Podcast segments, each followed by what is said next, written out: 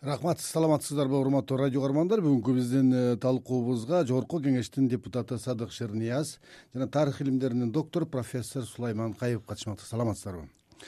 Менин биринчи суроом садык мырза сизге да мына э, акыркы убакта кыргыз саясий элитасына асыресе жогорку кеңештин депутаттарына кескин сындар күчөдү. Социалдык тармактарда катуу талкуу болуп атат. Анын себебин сиз эмнеден көрүп атасыз.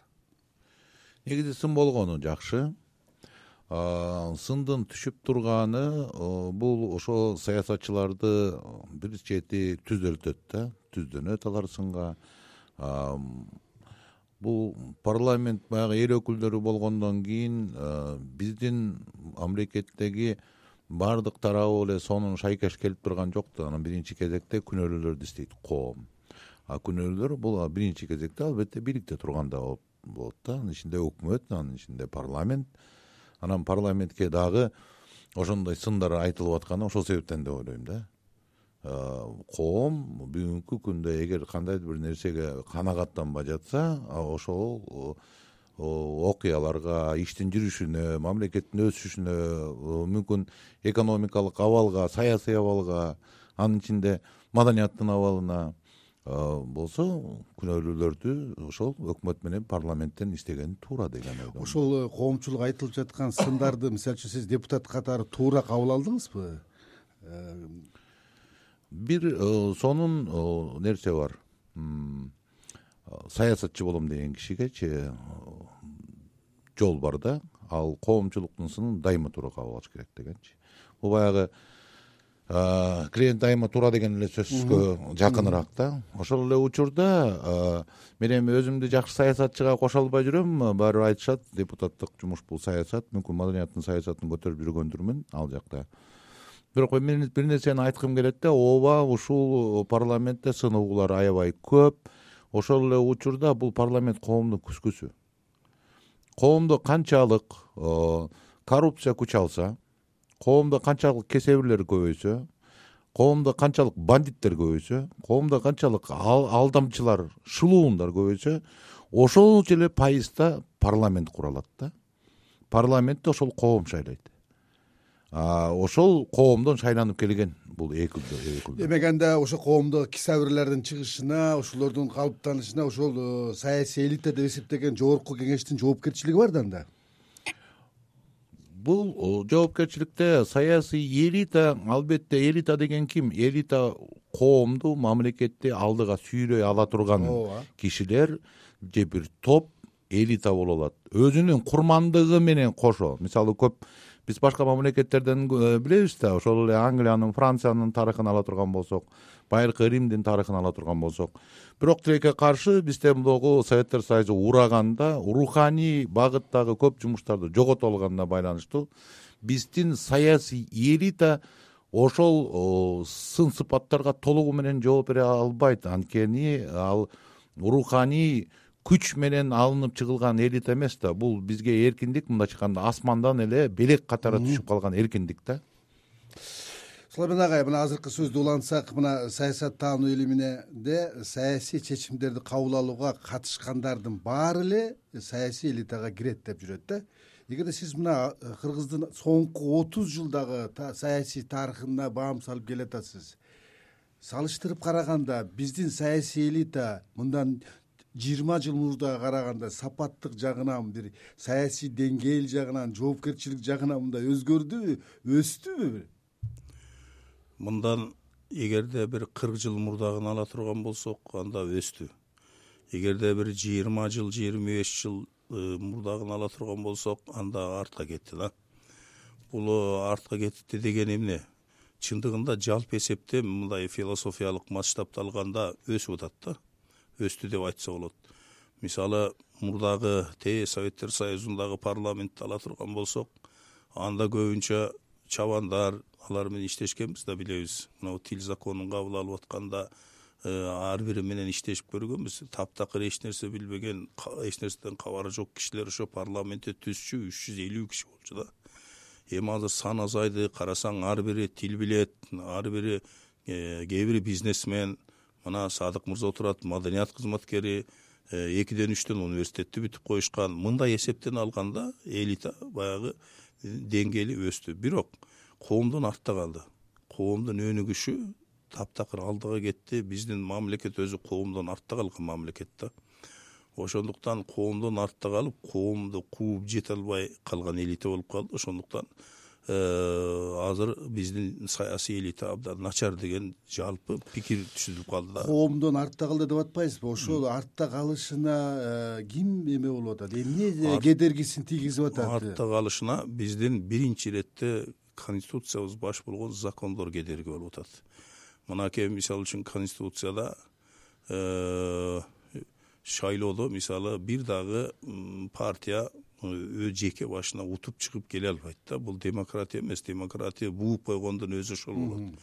Мисалы үчүн эл бир партияны жактыра турган болсо жапырт ошол партияга добуш берип жиберсе ошол партия элдин мүдөөсүн толук аткара турган болсо эмне үчүн жалгыз партия келип өкмөт кура албасын? Жок бизде ошол жолду бууп койгонбуз. Биз обязательно сөзсүз түрдө коалициялык өкмөт кура турган конституцияны алып алганбыз. Шайлоо э, кодекстери да ошого ылайыкташкан. Ошон үчүн партиялык тизме менен барат. Партиялык тизмеге ылайыгы жок кишилер кирет акчасы бар кишилер кирет. Э, анан ошолор депутат болуп келет. Э, депутат болуп келгенден кийин эми парламенттик өлкө болгондон кийин депутаттардын ролу таптакыр башка болуш керек да. Керек болсо министрлер деле депутаттардан болуш керек. Чындап алганда да парламенттик өлкө экениң чын болсо эми бизде андай эмес да конституция андай эмес. Э, президентти дагы э, парламент шайлаш керек да. Ошондо бир жаңысыл болот дагы э, баягы саясий элитанын орду белгилүү болуп калат анан компетентность дегенди түшүнүк бар эмеспи? Ооба. Ошол компетентность калыптанат да. Бизде азыр эч бир киши эч бир жерде компетенттүү эмес. Ошол компетенттүүлүктүн жоктугунан кайсыл жакты карасаң дагы ошонун баардыгы кыйрап жатат. Компетенттүү болбогон киши идеяны айтат бирок ошол идеяны ишке ашыруу механизмин эч качан көрсөтүп бере албайт да мына биздин азыр саясатчылардын көбү жакшы эле идеяларды айтат. Өкмөттүн отчетун карап турсаң деле жакшы идея жасаш керек кылыш керек. Ушундай э, абзел жана э, деп айтат. А бирок ошону кантип жасаш керек ошого компетенттүүлүк жетишпейт кыскасы профессионализм. Жанагы кесипкөйлүк мына ошол ошондон кесипкөйлүк болбогон жерде компетенттүүлүк болбойт да.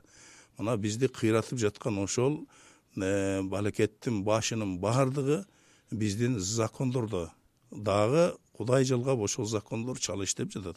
Эгер ал закондор чындап иштеп кете турган болсо анда э, билбейм биз кайда барар экенбиз. Менимче жаңы өткөн мезгилди э, жыйынтыктай турган заман келди. Азыр саясий элитаны жаңылаш керек. Демек э, жаңылоо жөнүндө садык чернияз айтсаңыз мына саясий элита көп партиялык өнүккөн жерде парламенттик башкаруу өлгөн жерде атаандаштык мындай орун алган жерде өнүгөт деп келебиз бирок тилекке каршы кыргыз коомунун акыркы жылдары мындай ушул партиялык тизме менен парламентти калыптандыруу мындай түптөө маселеси мындай көңүл калгандай Э, мындай пикирлери арбын да сиз айтсаңыз бул көйгөй эмнеде биз демократияга э, мындай калыптана албай көнө албай жатабызбы өздөштүрө албай жатабызбы? Же болбосо дагы башка себеби барбы бул биринчиден ошол саясий элита чыныгы саясий элита жоктугунан. Чыныгы саясий элита идеяны алып чыгып артынан элди ээрчите алыш керек. Эл ошого баш оту менен киришип ошол идеяга бир кезде жетимиш жыл жашадык эртең коммунизм болот деп. Бизди ошого ишендиришкен үчүн жашадык да. А бүгүнкү күндө коом өз алдынча мамлекет өз алдынча. Ал коом мамлекетке ишенбейт мамлекет дагы коомго ишенбейт. Түшүнүп атасызбы? А болгону баягы орто жолдо популисттик иштер болгондо мисалы жана түкүрүк же уран сыяктуу популисттик иштерде кана бир бири бирин укканга аракет кылганга аракет кылышат. Болду ошол менен. Жаңы идеяны алып чыгып артынан элди ээрчите алсаң ал нерселерди ошол эл сага ишенсе гана жүрөт. Реформа дагы эл сага ишенгенде жүрөт. Мисалы биз баарыбыз макулбуз. Сиз деле менин оюмча сулайман ага деле макул болушу мүмкүн. Мисалы кыргызстанды оңдош үчүн биринчи кадам биринчи эң биринчи кадам бул сот реформасы. Сот акыйкат болмоюн бизде бизнес дагы экономика дагы башка эч нерсе өнүкпөйт. Муну баарыбыз билебиз сиз да билесиз мен да билем. Бирок буга коом да даяр эмес буга саясий элитанын эрки күчү дымагы да жок муну өткөнгө. Биз баягы реформа деп какшаганы менен буну кылбай келатабыз. Эгер биз сотто реформа кыла турган болсок жанантип толгон токой бизнесмендер отурбайт парламентте эмне кылат алар отуруп ошол бейчаралар өзүлөрүнүн бизнесин сактайм деп отурат ошол жерде. Түшүндүңүзбү? Ал мыйзам чыгарам деп отурган жок ал жерде. Жанагы эптеп тапкан бизнесин сакташ керек аларгачы а эгерде сот акыйкат болсо ал депутат болуп эмне кылат? Ал айтат да соттон көрүшөм деп коет сен. Балекет болсоң дагы. Түшүнүп атасызбы мына бир эле механизмди айталы да азыр соттун ротациясы жогорку жак чечет соттун ротациясын. Анан албетте сиз ойлоп көрүңүз мына мисалы биринчи май соту иштеп атат деп коелу да. Тияктан телефон чалышат айтышат бул ишти мындай кылгыла дейт да. Болбосо эртең чаткалга кетесиң. Ротация менен чоң алайга ким баргысы келет чоң алайга анткени баласы бул президенттик администрациянын бала бакчасына барып атса сулайман ага күлүп атат чын айтканым үчүн күлүп атат да туурабы. Биз баарыбыз билебиз көрүп турабыз ошонучу. Бирок биз жөн гана мындай оюн жасап жүрөбүз да. Сиз ойлобоңуз бул жерге келип айтып атат деп. Ушуну мен биринчи эле отурумда чыгып айткам биз легендардуу парламент болот элек ушуну ишке ашырсак деп. Бирок ал акыбал жетишпейт да эрк жетишпейт. эми оорунун мындай өзөгү кайда тамыры кайда? Оорунун себеби диагнозу кайда анда? Канткенде анда биз саясий элитаны ушундай алдыга жылдыра алабыз?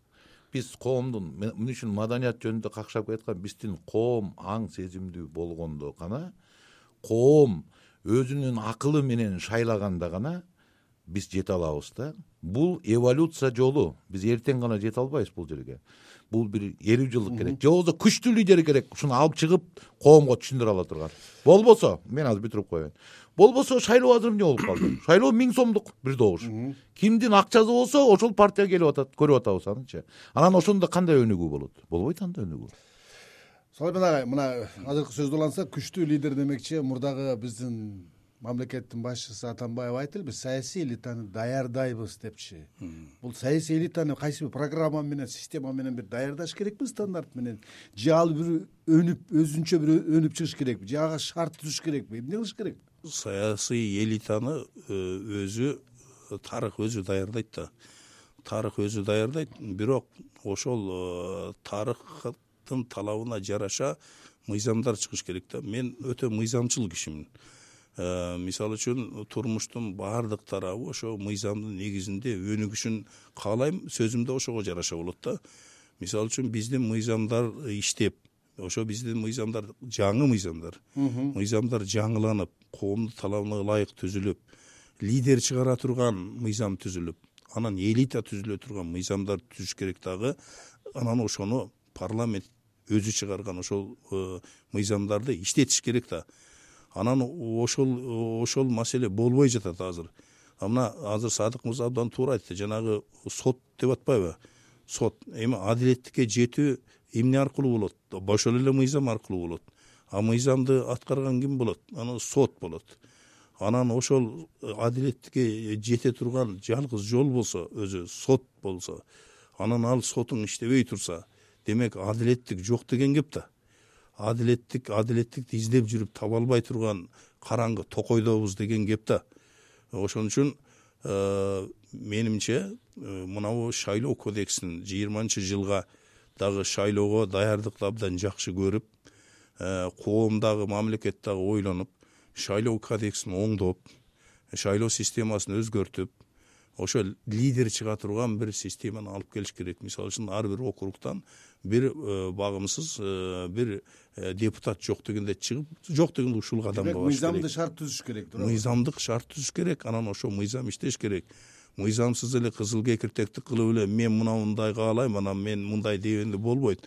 Мына азыр демократия десе эле мыйзамга каршы ким бакырып сүйлөсө ошол демократ сыяктуу болуп көрүнүп атпайбы а чындыгында мыйзам демократия деген бул мыйзамдарды орундатуу э, эрежелерге баш ийүү деген сөз. Себеби мыйзамды элдин өкүлдөрү э, чыгарат дагы ал элдин мыйзамы болуп эсептелет. Мага жагабы жеке киши катары мага жагабы жакпайбы. Мен ага кыңк этпей баш ийишим керек дагы аткарышым керек. Балким мага жакпайт. Жакпаса да аткарышым керек. Ошондо анан коом ошондо анан мамлекет болот ошондо тартип болот. Э, садык мырза айтсаңыз мынабу саясатта мыйзамда шарт түзүлгөндө гана саясий элитанын бир өкүлдөрү жаңы муундары чыгат деп атпайбы агайчы э, мына э, бир он жылдан убакыт болуп калды. Оппозиция жөнүндө деген мыйзам алигиче кабыл алынбайт. Оппозиция деген эмне саясий атаандашыңа мыйзамдуу шарт түзүү да аны уга билүү же аны мыйзамдык жактан коргой билүү дегенде. Мунун себеби эмне болуп атат? Мисалы үчүн азыркы жаштар саясатка барбайм анткени катуу сүйлөп койсом камап коет деп э, коркуп атпайбы да. Демек мыйзамдуу анын кепилдиги жок болуп атат эмне үчүн бул мыйзам кабыл алынбайт? Эми бул боюнча менин биринчи кабарым жок экен оппозиция мыйзамы сиз айткан боюнчачы мүмкүн мен баягы өзгөчө могу маданият жака өстүрүү билим берүү же башка жака мындай мыйзамдарга көңүл бургандан болсо керек да. А мен бул бир нерсени айтар элем сизгечи кеп мыйзамда эмес кандай шартта жашап атканыңызда эмес. Мисалы алып көрөлү да мен сизге айтып коеюн мына американын шартын алсак президенттик башкаруу англияны ала турган болсок парламенттик жана э, монархия туурабы? Иранды ала турган болсок шарият. Көрдүңүзбү бул нерселер эмнени далилдеп атат? Кандай мыйзам болсо дагы эгер коом ошону туура кабыл алса өсүүгө дуушар болот. Мына мисалы япониянын да императору бар туурабы мына жакында алмашты көрдүк. Бул эмнени айтып атат? Ошол мыйзамды аткарылышына шарт түзүш керек. Аткарылышы шарты бирден бир сот мен тиги бир жолу отурумда мынтип айттым. Э урматтуу депутаттар мына мыйзамдарды чыгарбай деле койсокчу. Кыргыз эли жашай берет. Таптакыр эле эртеңден баштап токтотуп эле мыйзам чыгаргандарды. Эчтеке кылбай эле токтотуп койсо кыргыз эли жашай берет. Болгону жанагы ратификацияларды убагында кылып коелу эл аралык. Келгиле баарыбыз чогулуп сот реформасына отуралы бир нерсени башташ керек да бир нерсени жакшы кылып бүтүрүш керек түшүнүп атасызбы бир нерсени жакшы кылып бүтүрмөйүнчө биз деген жамаачыларды жамап жүрөбүз да. Бүгүн урандын жамаачысын жамадык туурабы э? Мына мурунку премьер министрден калган деп атабыз да. Баягы күнү келди э, путин баштап мисалы алты миллиардка кол койдук. А ким билет эртең бул премьер министр эртеңкилерге бомба таштап кетти да. Эртең башка премьер министр келет ал айтышы мүмкүн тиги премьер министр кол коюп кетиптир буга депчи түшүнүп атасызбы биздики жамаачы синдрому болуп калды. Жамаачы өрт өчүргүчтөрдүн синдрому мамлекетте. Түшүнүп атасызбы бирок мамлекетте деген өзөктүү нерселерге баары бир көңүл бурулуш керек да. Өзөктүү нерсе саясатта бул сот реформасы. Дагы өзөктүү нерсе бул маданият тил маселеси биз ошондой өзөктүү нерселерди кылып алсак анан акырын калгандарын кыла берсек болот. А эртең бир сотту бир мыйзамды биз өзгөртүп койгондон бир кайсы бир багыттан кыргызстан жыргап кеткен жок биз күндө мыйзам өзгөртөбүз. Ишенип коюңуз бакыт мырза. Күндө биз он беш мыйзам өзгөртөбүз да. Ошодон кыргызстан эли жыргап кетип атат дейсизби. Анткени өзөктүү иштер жок да. Саясий э, реформадагы өзөктүү иштердин бирин э, сулайман агай өзүңүз айттыңыз. Келэрки жылдагы парламенттик шайлоонун мыйзамдарын өзгөртүш керек депчи биз саясий элитанын жаңы мууну келиш үчүн дагы ушул мыйзамдар керек деп айтып атабыз. Бизде украинадагыдай же болбосо армениядагыдай саясатчылар жаңы мууну келиш керек канткенде келебиз. Келбейт алар келбейт алар алар акчага акчага азыр сатып алат баары. Ошол жолу түзүп койдукпуз баарыбыз жок э, жок эгерде мыйзамдарды өзгөртсөк ошондойго шарт түзүлөбү? Мыйзам сөзсүз өзгөртүп анан иштей турган мыйзам болуш керек да. Иштебей турган мыйзам жөнүндө бул жерде сөз болууга мүмкүн эмес. Иштей турган мыйзам керек анан ошолорду иштете турган аң сезим маданият керек да. Адамдар мисалы үчүн э, сот болуп туруп колундагы мыйзамдын иштөө механизмин билбесе же болбосо иштете албаса анда андай мыйзамдын дагы андай соттун эмне кереги бар? Иштей турган мыйзам жөнүндө сөз болуп атат. Баардык нерсе мыйзамга гана байланышы керек. Мыйзам объективдүү фактор. Ал укуктук негиз түзүп берет. А киши субъективдүү фактор. Мына садык мырза айтып атпайбы ошо адамдар иштетиши керек деп. Туура объективдүү фактор менен субъективдүү фактор экөө дал келгенде гана иштейт. Мен жалаң эле мыйзам түзүп эле анан э, тетиги текчеге коюп койсо эле жыргап кетебиз деп аткан жерим жок. Ошол мыйзамды иштете тургандар жаратып андан кийин аны ошону иштете тургандар бийлик бутактарында отурса гана эки фактор бирге келгенде гана анан коом алдыга жылат. Болбосо жанагы мыйзамдардын баардыгы мына манас мыйзамы бар э ошол иштеп атабы? Иштебейт мен аны мындай эле айтам. Ал мыйзам унутулуп калган. Билим берүү мыйзамы иштеп атабы? Иштеген жери жок иштеген жок. Ушул мыйзамдарды кара кайра иштете турган кылып анан ошол мыйзамдарды иштете ала турган кишилерди саясий элитанын мүчөсү кылыш керек да. Кыргыздан чыгат. Кыргызда аябай э, көп э, жаштар бар. Кыргыздын мындай саясий э, илимий көркөм чыгармачылык потенциалы өтө күчтүү экенине мен ишенем мен мугалиммин. Мен балдардын көзүнө карап окутам. Вот ошондо көрөм дайыма. Э бул биздин балдарда потенциал бар экен деп. Ошол потенциалды ача турган анан ошолорду уюштуруп кете турган анан ошолорго укуктук негиз бере турган гана факторлор жок болуп жатат. Башка нерсенин баары бизде бар садык мырза айтсаңыз э, бул мына саясий элита алмашыш керек деп акыркы отуз жылга жакын убакыттан бери эки жүз үч жүз киши эле биздин кыздын саясатыбызды ушул буркан шаркан кылып келатат. Бири бирин алмашат бири бирин төңкөрүш кылат да. Канткенде алмашат бизде алмашууга шарт барбы? Жок шарт алмашпайт дагы ушул жол менен биз бара беребиз буюрса элүү жыл. Менин анализим боюнчачы элүү дагы элүү жылбы ооба эч ким чыгып айта албайт. Эй туугандар силер жадаган жоксуңарбы атамбаевден текебаевден мадумаровдон болотшерден отунбаядан жадаган жадап бүткөн жоксуңарбы кулов бирогу эмелерден. Эй койгулачы кел мына жумушту кылалы барбайт ага эл. Элге биз ошондой шарт түзүп койдук. Мына эртең шайлоо болот мен сизге кандай айтып коеюн? Акчасы жок адам шайлоого бара албайт эртең. Түшүнсөңүз чөнтөгүңүздө үч жүз миң беш жүз миң доллар болбосо эртең депутат болбойм боло албайсыз сиз. Жок азыр жана ушул шарт түзүлдү. жок мыйзамдарды өзгөртсөк азыр мына мыйзамды ким аткарып атат сиз түшүнүп атсаңыз мыйзам деген мыйзам деген келип туруп бул жака саясий топ болуп бийликтин башына отургандар мыйзамды өзүнүн багытына ар ким буруп келген муну баардыгы буруп келген ошентип бурула берет. Түшүнүп атасызбы? Коомдун аң сезимин. Маданиятты коомдун өзүнө болгон өзүнө болгон э, улуулугун өзүнө болгон сыйын көтөрмөйүнчө эмне үчүн маданият деп каршылап атат мына грузия эмне үчүн көтөрүлдү? Анткени ал ар намысы бар калк абийири бар калк. Алар союздун кезинде өзүлөрүнүн тамгасы болгон өзүлөрүнүн маданияты мына билесиздер театры кандай укмуш э баардыгы ошон үчүн грузия ошол маданияты түрткү берип туруп ар намыс жок дейсизби анда өзгөрүү көтөрүш керек ар намысты биздин ар намысыбыз көбүнчө биздин ар намысыбыз көбүнчө көтөрөт? жылаңач патриоттук болуп отурасыз мыйзамда чыгарасыз мыйзамдын аткарылышын көзөмөлдөйсүз эмне үчүн сиз э, өзгөргөнгө мыйзамды чыгаргандан эле баары оңолуп кетет деп атасызбы ага эл даяр болуш керек эл качан даяр болот? бизде отуз жыл болду. Качан маданият гана эл даяр болот. Маданият менен акыл эсинде өтсөзөк гана эл даяр болот ушуну билип коюңуз. Болбосо биз жылаңач патриоттук менен чыга беребиз